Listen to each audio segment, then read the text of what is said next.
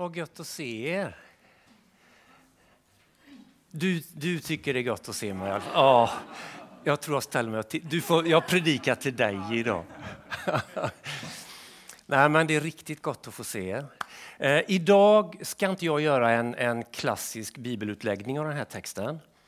Eh, jag har blivit så gammal så att jag tänker att det som ligger på mitt hjärta, det får jag ge till er. Eh, men jag kommer landa så småningom i texten. Så det, jag kommer ge er ett Kinderägg idag.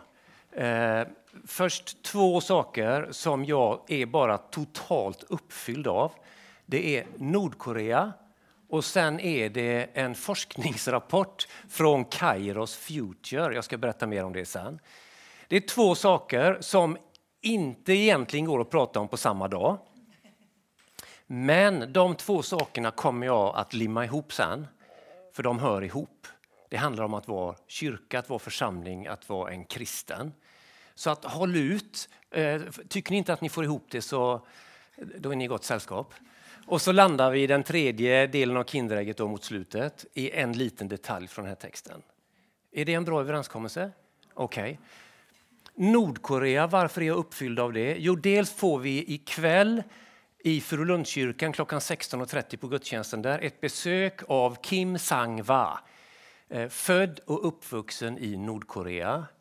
I det land som är klassat som det absolut svåraste att vara en kristen i. Det, det är alltså det är nivåer på det som vi har otroligt svårt att ta in. Eh, väl, och sen igår så träffade jag faktiskt den här Kim Sang-wa och fick höra en del av hennes vittnesbörd. Man häpnar. Man häpnar något så otroligt alltså. En liten detalj bara, eller kanske några stycken kommer jag droppa för dig. När hon var 12 år så hittade hon sin pappas bibel. Och hennes första tanke, vet ni vad den är? Nu måste jag anmäla honom. För det har de blivit skolade i. Det är deras fostran från samhället, från minsta klass de har gått i. Så att varje gång någon talar om Gud eller läser en text om Gud så ska de anmälas. Då finns det två alternativ. Då är det arbetsläger och det är inga trevliga grejer. Eller döden. That's it. Och det gör ju att en kristen pappa inte vågar berätta för sina barn. Ta, ta den, fundera på den. Skulle jag leva ett liv där inte jag får berätta om Jesus för mina barn? Jesus, som ju hennes pappa, är, det är ju det viktigaste. För att få samtala sen och höra berättelserna från de kristna i Nordkorea, det är en Jesusömhet. En, en, en hängivenhet, en Jesus-lojalitet som är så hög. Och de, de är i bön, de är i tillbedjan, men de kan inte göra det med någon annan. Så att samlas så här, nej, nej, det finns inte. En och annan gång så försöker man samlas för att dela ordet, som man säger, predika, dela livet, be tillsammans. Men du vet, så fort det sitter tre personer så måste man tänka en kan vara spion. Det, det, är, det är ett, helt annat, ett helt annat liv. V, vad gör du, ni som är evangelister, för jag vet att några sådana finns det här. Sådana som är så ivriga, man måste ut med, med evangeliet, man måste berätta om Jesus för alla. Vad gör den i Nordkorea som är evangelist och missionär och inte får lov att, eller inte kunna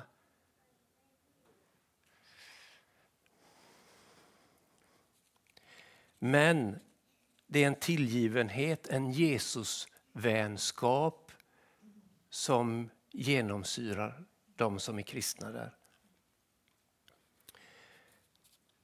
Man tycker att det inte går att jämföra men jag ser ändå lite av Mose Guds hängivenhet. Han söker Guds ansikte varje dag. Vi läser det gång på gång. Läs Andra Mosebok så kommer du se hur galen Mose är i att, i att gå efter Gud hela tiden. Eller Jesuslivet för den del, Nya testamentet. Vi, vi ser gång på gång hur Jesus söker sin fader i himmelen i bön, i natten och på dagen och gärna talar om honom. Men, men hjärtat finns där.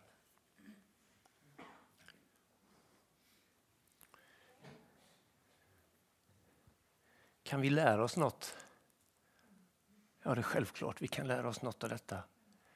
Om inte annat detta att tänka på Gud. Att umgås med Gud. Att tala med Jesus. Att söka leva nära hur man nu gör det. Jag tänker på Broder Lorenz, en av mina favoriter, munk på 1600-talet. Han säger ungefär så här. Vårt arbete, vårt, vårt första, är att, är att umgås med Gud. Och så säger han lite sådär retfullt nästan. Och vet du inte hur man gör det så lär dig. Vet du inte hur man gör det så lär dig. Nordkoreanerna de får ju lära sig på sitt sätt, mycket i ensamhet och hemlighet. Men vi kan också lära oss detta att umgås med den högste. Att vara med honom, tillbe honom, samtala med honom och att läcka honom i vår vardag.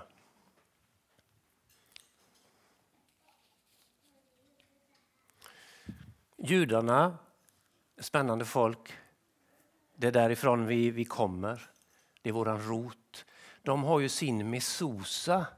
Vet du vad en mesosa är? Den här lilla trälådan som sitter på ytterdörren vid karmen där. Den, den är bra, så vi skulle ha en sån egentligen på alla dörrar. För det de gör, lägga handen på den och, och så i den så står det du ska älska Herren i Gud och hela ditt hjärta. Så att då påminns de det blir en aktivitet. De söker lära sig att göra jobbet som de har fått av Herren. Att tänka på, att vara med, att umgås med, att samtala med, att andas. Att det ska vara mitt blodomlopp. Så lägger de handen därpå. Jag nämnde broder Loren som var munk i ett kloster. Eh, det finns olika klosterordnar. En del har ju ett sånt här, så, så abboten eller någon klockmakare ringer en liten klocka Eh, med jämna mellanrum. Varför då? Jo, för den ska påminna dem om att umgås med Gud. Liksom dra tillbaka tanken. Vardagssysslorna är så många, men vi måste tillbaka med jämna mellanrum.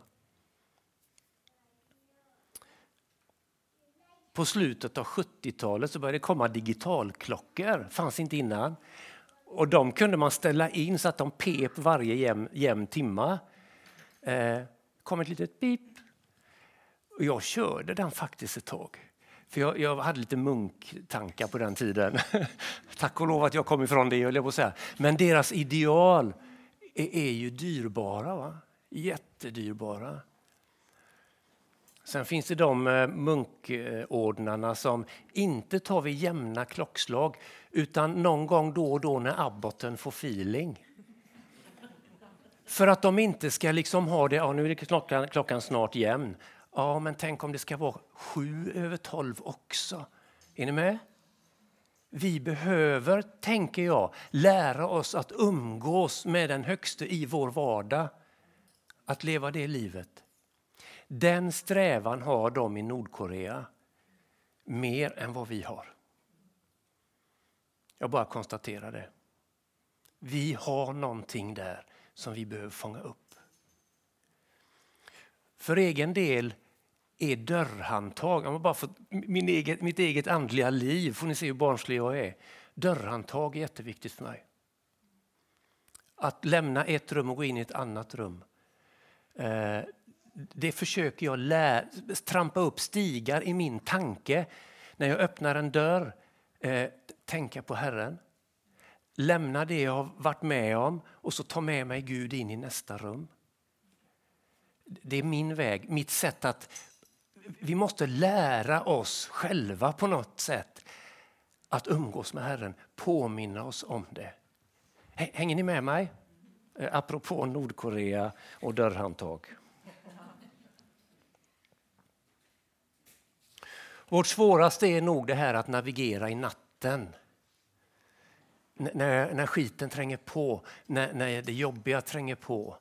När, när eh, stressen är där, när sjukdom är där, när taskiga relationer liksom tränger sig på. Jag, jag, jag kan inte värja mig. Chefen på jobbet är dum. Mina barn orkar jag inte med just nu. Och så vaknar jag på natten. Klockan är tre. De här vargtimmarna, dödstimmarna. Jag kan inte värja mig. Jag har ingen gard uppe. Jag kan inte skydda mig. Ångesten kommer. Det är inte så lätt att umgås med Herren då. Men tänk om det går att trampa upp stigar också i natten. Min egen väg. Jag bjuder på en till då. Ehm, jag har faktiskt upptäckt för egen del att i natten hjälper mig inte bönen. Och du som förfasas över det, nu vänta ett ögonblick. För om, jag, om det är ett bekymmer jag har, där jag börjar älta, där jag blir orolig och jag börjar be över det, då är min tanke fast i det. Jag tror inte bönen gör mindre verkan för det, för bönen verkar alltid. Men mitt sinne blir inte förändrat. Vet ni vad jag gör istället? Jag tillber. Jag sjunger tyst. Eller, eller bara, bara vänder min blick till Gud den högste. Talar ut lite sådär så inte frugan vaknar. Du är den högste, du är den helige, du är helig.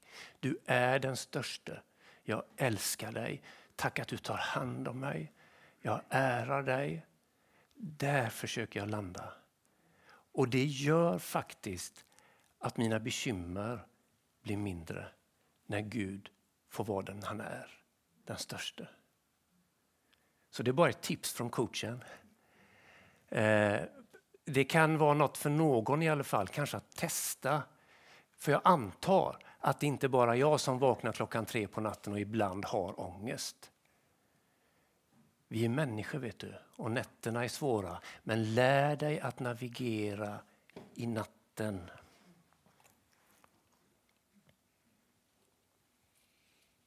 Apropå, apropå tillbedjan och lovsång. Man, man, eh, nordkoreanerna får inte sjunga. De kan inte sjunga när de är tillsammans för då kan grannen höra. Men tillber gör de ändå tyst. Eh, jag tänker på Noa. Kommer ni ihåg Noa? Han som byggde den här stora båten, arken. Vad var hans uppdrag? Vad var hans uppdrag? Bygga en båt. Varför skulle han bygga en båt? Jo, det visste han. Det skulle regna, ja. Och varför skulle han ha en båt då? För att klara sig, ja. Och för att klara djuren och sin familj. Okej? Okay? Så uppdraget var bygga en båt för du ska rädda skapelsen. Du ska rädda din familj och du ska rädda djuren. Det är ditt mission, det är ditt uppdrag. Missa inte detta. Så han bygger båten, regnet kommer. De är ett år på båten ungefär. Och sen när båten liksom har stannat så skickar han ut en duva. Ni vet det där. Kanske vet ni inte det så får ni läsa om det i kapitel 6, 7, 8 någonstans, första Moseboken. Men det står en helt knasig grej i kapitel 8. Helt utan sans och vett. Vad gör Noa när båten har stannat? de, de har öppnat den, Gud har öppnat dörren för dem så de kan kliva ut. Vad är det första Noa gör?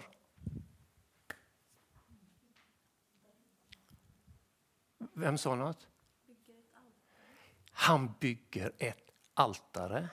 Och vad gör han på det altaret? Jo, han tar de ädlaste djuren och så offrar han dem. Förstår ni hur sjukt det är? Hans första uppdrag är att rädda djuren. Och de offrar han. Fundera på den.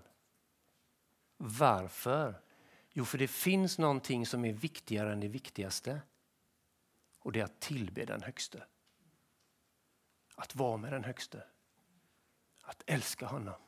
Och att lära sig att umgås med den jag inte ser. Och den jag inte alltid förstår. Men som jag någonstans, jag tänker mig att vi alla människor har det i oss. Han är det viktigaste som går att tänka. Han är viktigare än allt.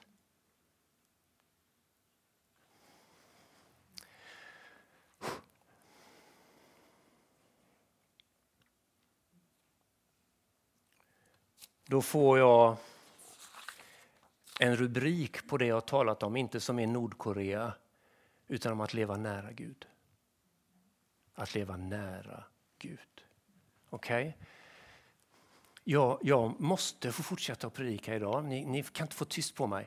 Men nu pausar vi Nordkorea och leva nära Gud ett ögonblick. För jag måste också få säga någonting om något helt annat.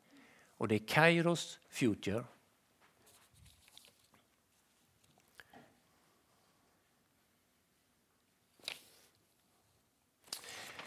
Kairos Future, några kanske känner till dem. Det är ett internationellt analysföretag.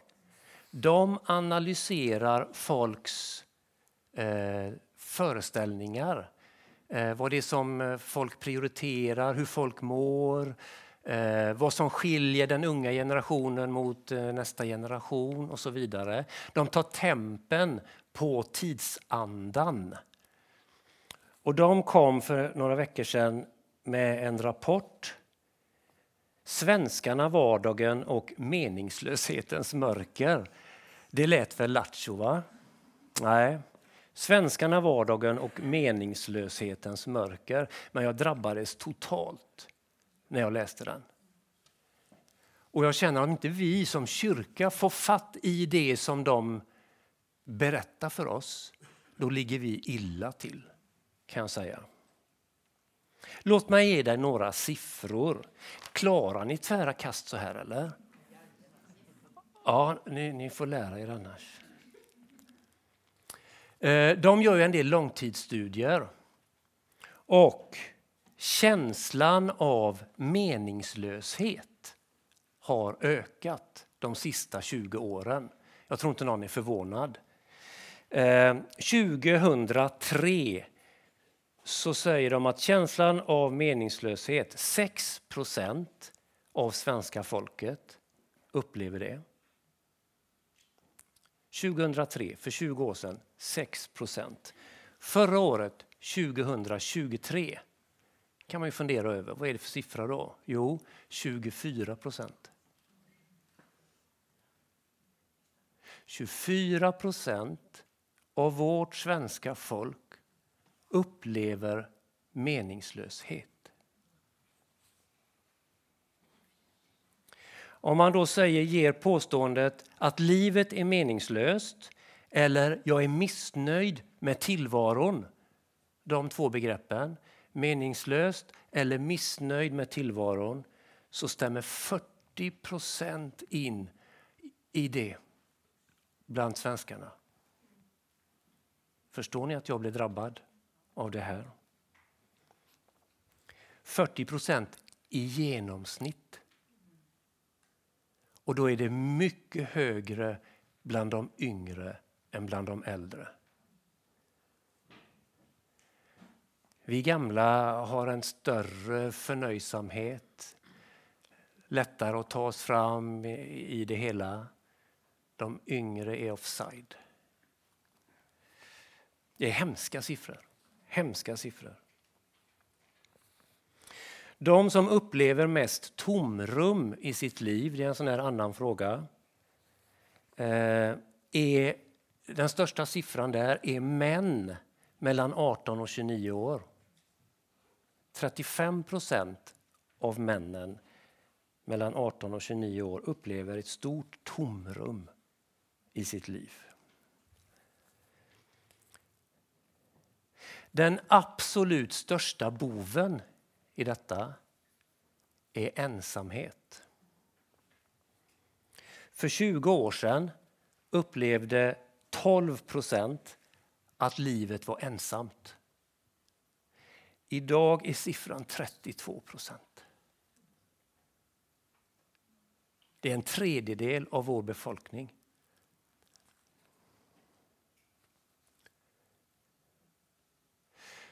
Kyrkan har ett problem i detta. För vår självbild är relation och gemenskap och delaktighet och värme och välkommen. Alltså vi har många sådana ord som vi vill och vi tänker att vi är rätt bra på det. Problemet med det är att den som kommer ensam då och inte kommer innanför blir ju dubbelt slagen.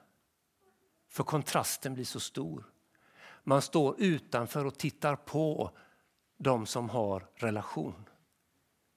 Och det gör att känslan av ensamhet ökar.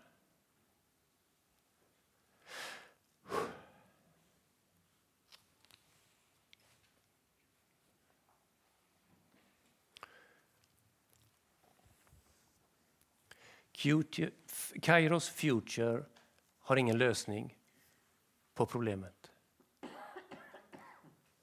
De säger inte gör si och gör så, så blir det bra.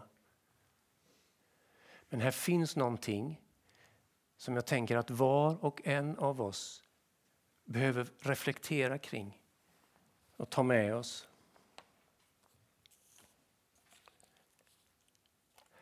Eh, i, I den här texten vi hörde förut om, om eh, vingårdsarbetaren, kapitel 20 i Matteus. Den texten i sig är insatt i ett större avsnitt som handlar egentligen om vad är det att vara kyrka. Och eh, Det som kommer sen handlar en del om, om yttersta tiden. Eh, vad är det för skeenden där? Och Det är några intressanta saker i hela det sjoket som Jesus trycker på. Och En av, av det som kommer igen på olika sätt är att gör väl mot de små. Och de små när Jesus pratar om dem, det är de som sitter i fängelse, det är de som är sjuka, det är de som är svaga, det är de som är ensamma, det är änkorna, det är barnen, det är de ensamma. Gör väl mot de små.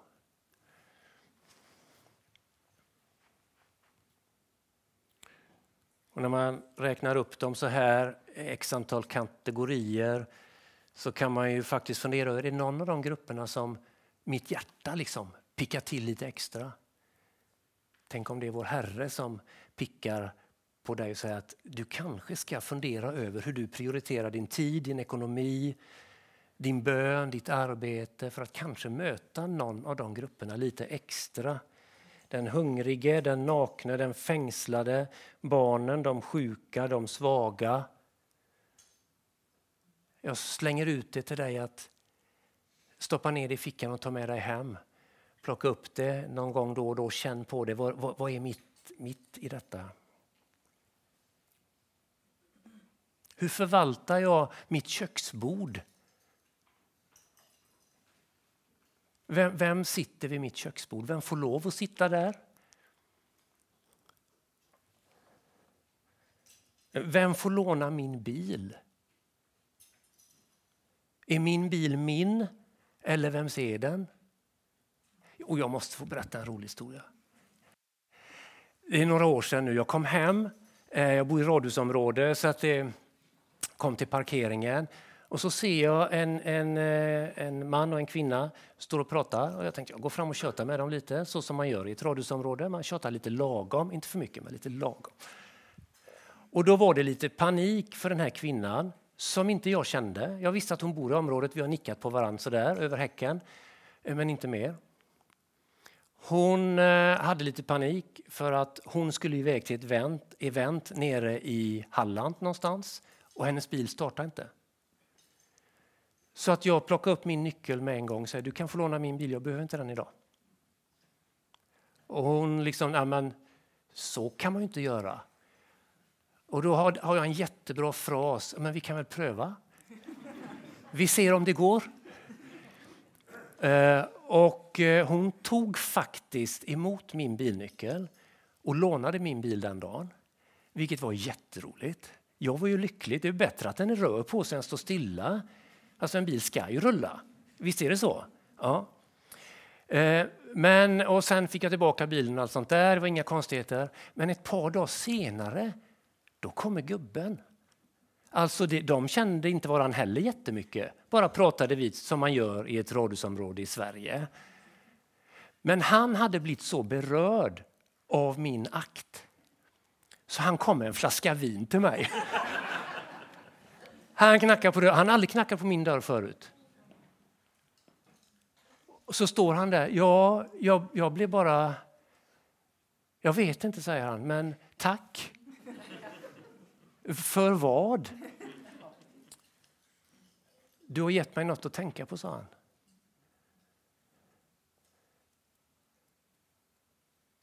Hur förvaltar vi vår bil, vårt köksbord? Hur förvaltar vi ICA-kön? Hur förvaltar vi den tiden? Vad vi gör av, du står där i kön och den framför dig är en äldre kvinna. Hennes kontokort funkar inte, pengarna kanske inte räckte idag. Och hon står där lite ängslig och börjar fundera. Eh, jag har ett val att göra då. Ska jag stå där och oja mig, stå på den foten och tänka att kan hon inte bättre än så här? Hon borde ha lärt sig och se till att hon inte handlar för mer än hon har råd och ha koll på tekniken i alla fall tillräckligt. Eller så kan jag välja, mig, välja att ställa mig på andra foten och gå fram och blippa mitt kort för hennes utgifter. Frågan är vad det är som kommer först i vår tanke. Kan vi också där lära vår tanke, vår känsla att trampa upp nya stigar i vad är det att vara en Jesu lärjunge? Vad är det att vara en sann människa? Har jag retat det tillräckligt nu? Om vi tar Nordkorea nära Gud och så tar vi det här sista då med känsla av meningslöshet och ensamhet och allt jag har rört vid, att vara nära människor. Det är faktiskt så att för typ 17-18 år sedan så hade vi en slogan i vår församling. Då fanns inte Öjersjökyrkan, men Furulundskyrkan fanns. Det blev aldrig någon officiell sån här vision eller så. Men, men det var faktiskt nära Gud och nära människor. Eh, Anders Petter kom eldig en, en eh, dag. För då hade han vaknat på natten och nästan upplevt att det var Gud som bara sa det till honom. Nära Gud, nära människor. Och vi tog den, vi kände att det finns något här. Det finns något här. Och kanske är detta någonting som vi behöver ta som enskilda individer och som gudstjänstgemenskap i Öjersjö, gudstjänstgemenskap i Furulund, vår församlingsövergripande gemenskap. Att leva nära Gud och nära människor. Och lära oss att trampa upp nya stigar i vår tanke, i vår känsla, i vårt handlande.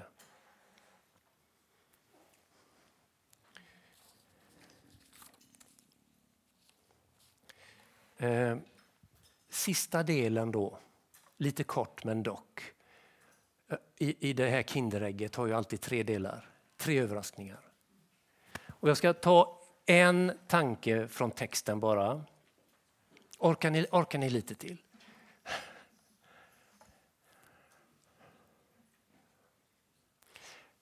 Den scenen eh, existerar inte i vår del av världen.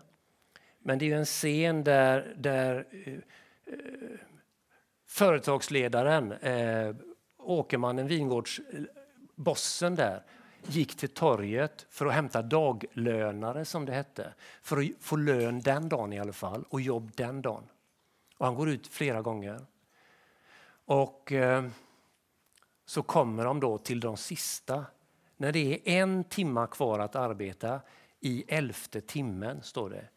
Och det är ju ett begrepp som vi faktiskt har i, i vår del av världen också. Han kom i elfte timmen, alltså i sista minuten, nästan för sent. Det var i elfte timmen. Då kom räddningen. Liksom. Vilka människor är det som är kvar på torget i elfte timmen? Det är ju bara skrapet som är kvar. För de bättre, de starkare, de klokare, de som har haft erfarenhet, de blir ju plockade först.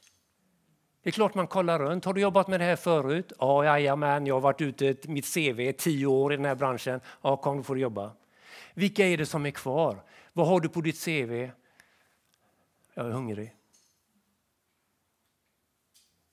Jag kan bära lite grann. Det är dem. Det är bara skrapet kvar. Jag är berörd av den här texten. För den säger att vår Herre, för det är en, över, det är en bild det här som Jesus ger dem, en liknelse. Vår Herre är intresserad av oss var och en. Din kunskap är i det här fallet helt ointressant. Din erfarenhet är helt ointressant. Styrkan på din tro, helt ointressant. Din förmåga, helt ointressant. Han är intresserad av att vara med dig och att ta dig i bruk med det du kan. spelar ingen roll om du är världsbäst eller bara håller på och välter den där korgen så det ramlar ut hela tiden och du får plocka upp igen och så välter du och så får du plocka upp igen.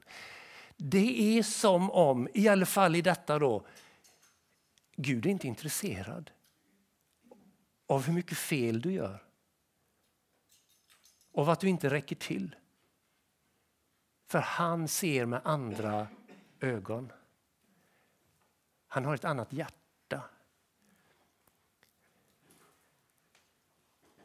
Och då är det faktiskt möjligt för var och en av oss, vem vi än är, och säga att okej, okay, jag, jag hänger på. Jag hänger på. Nej, jag kan inte spela, jag kan inte sjunga. Jag, kan inte, jag vet inte ens hur man kokar kaffe. Men han är intresserad. Jag kan bara känna wow. Och sen den dagen det är över när lönen ska komma. När livet är slut.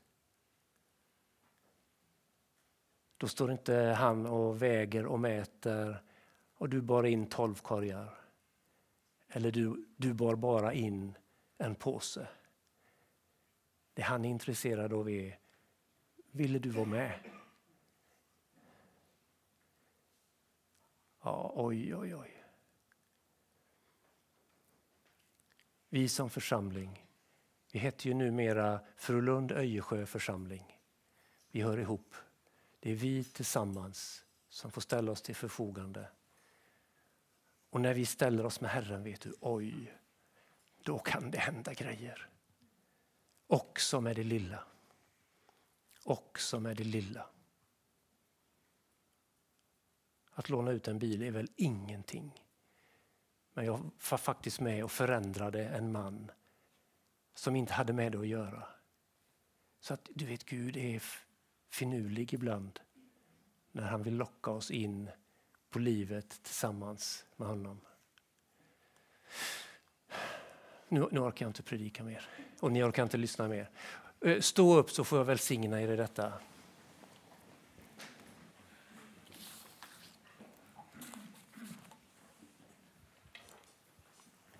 Käre, käre Jesus.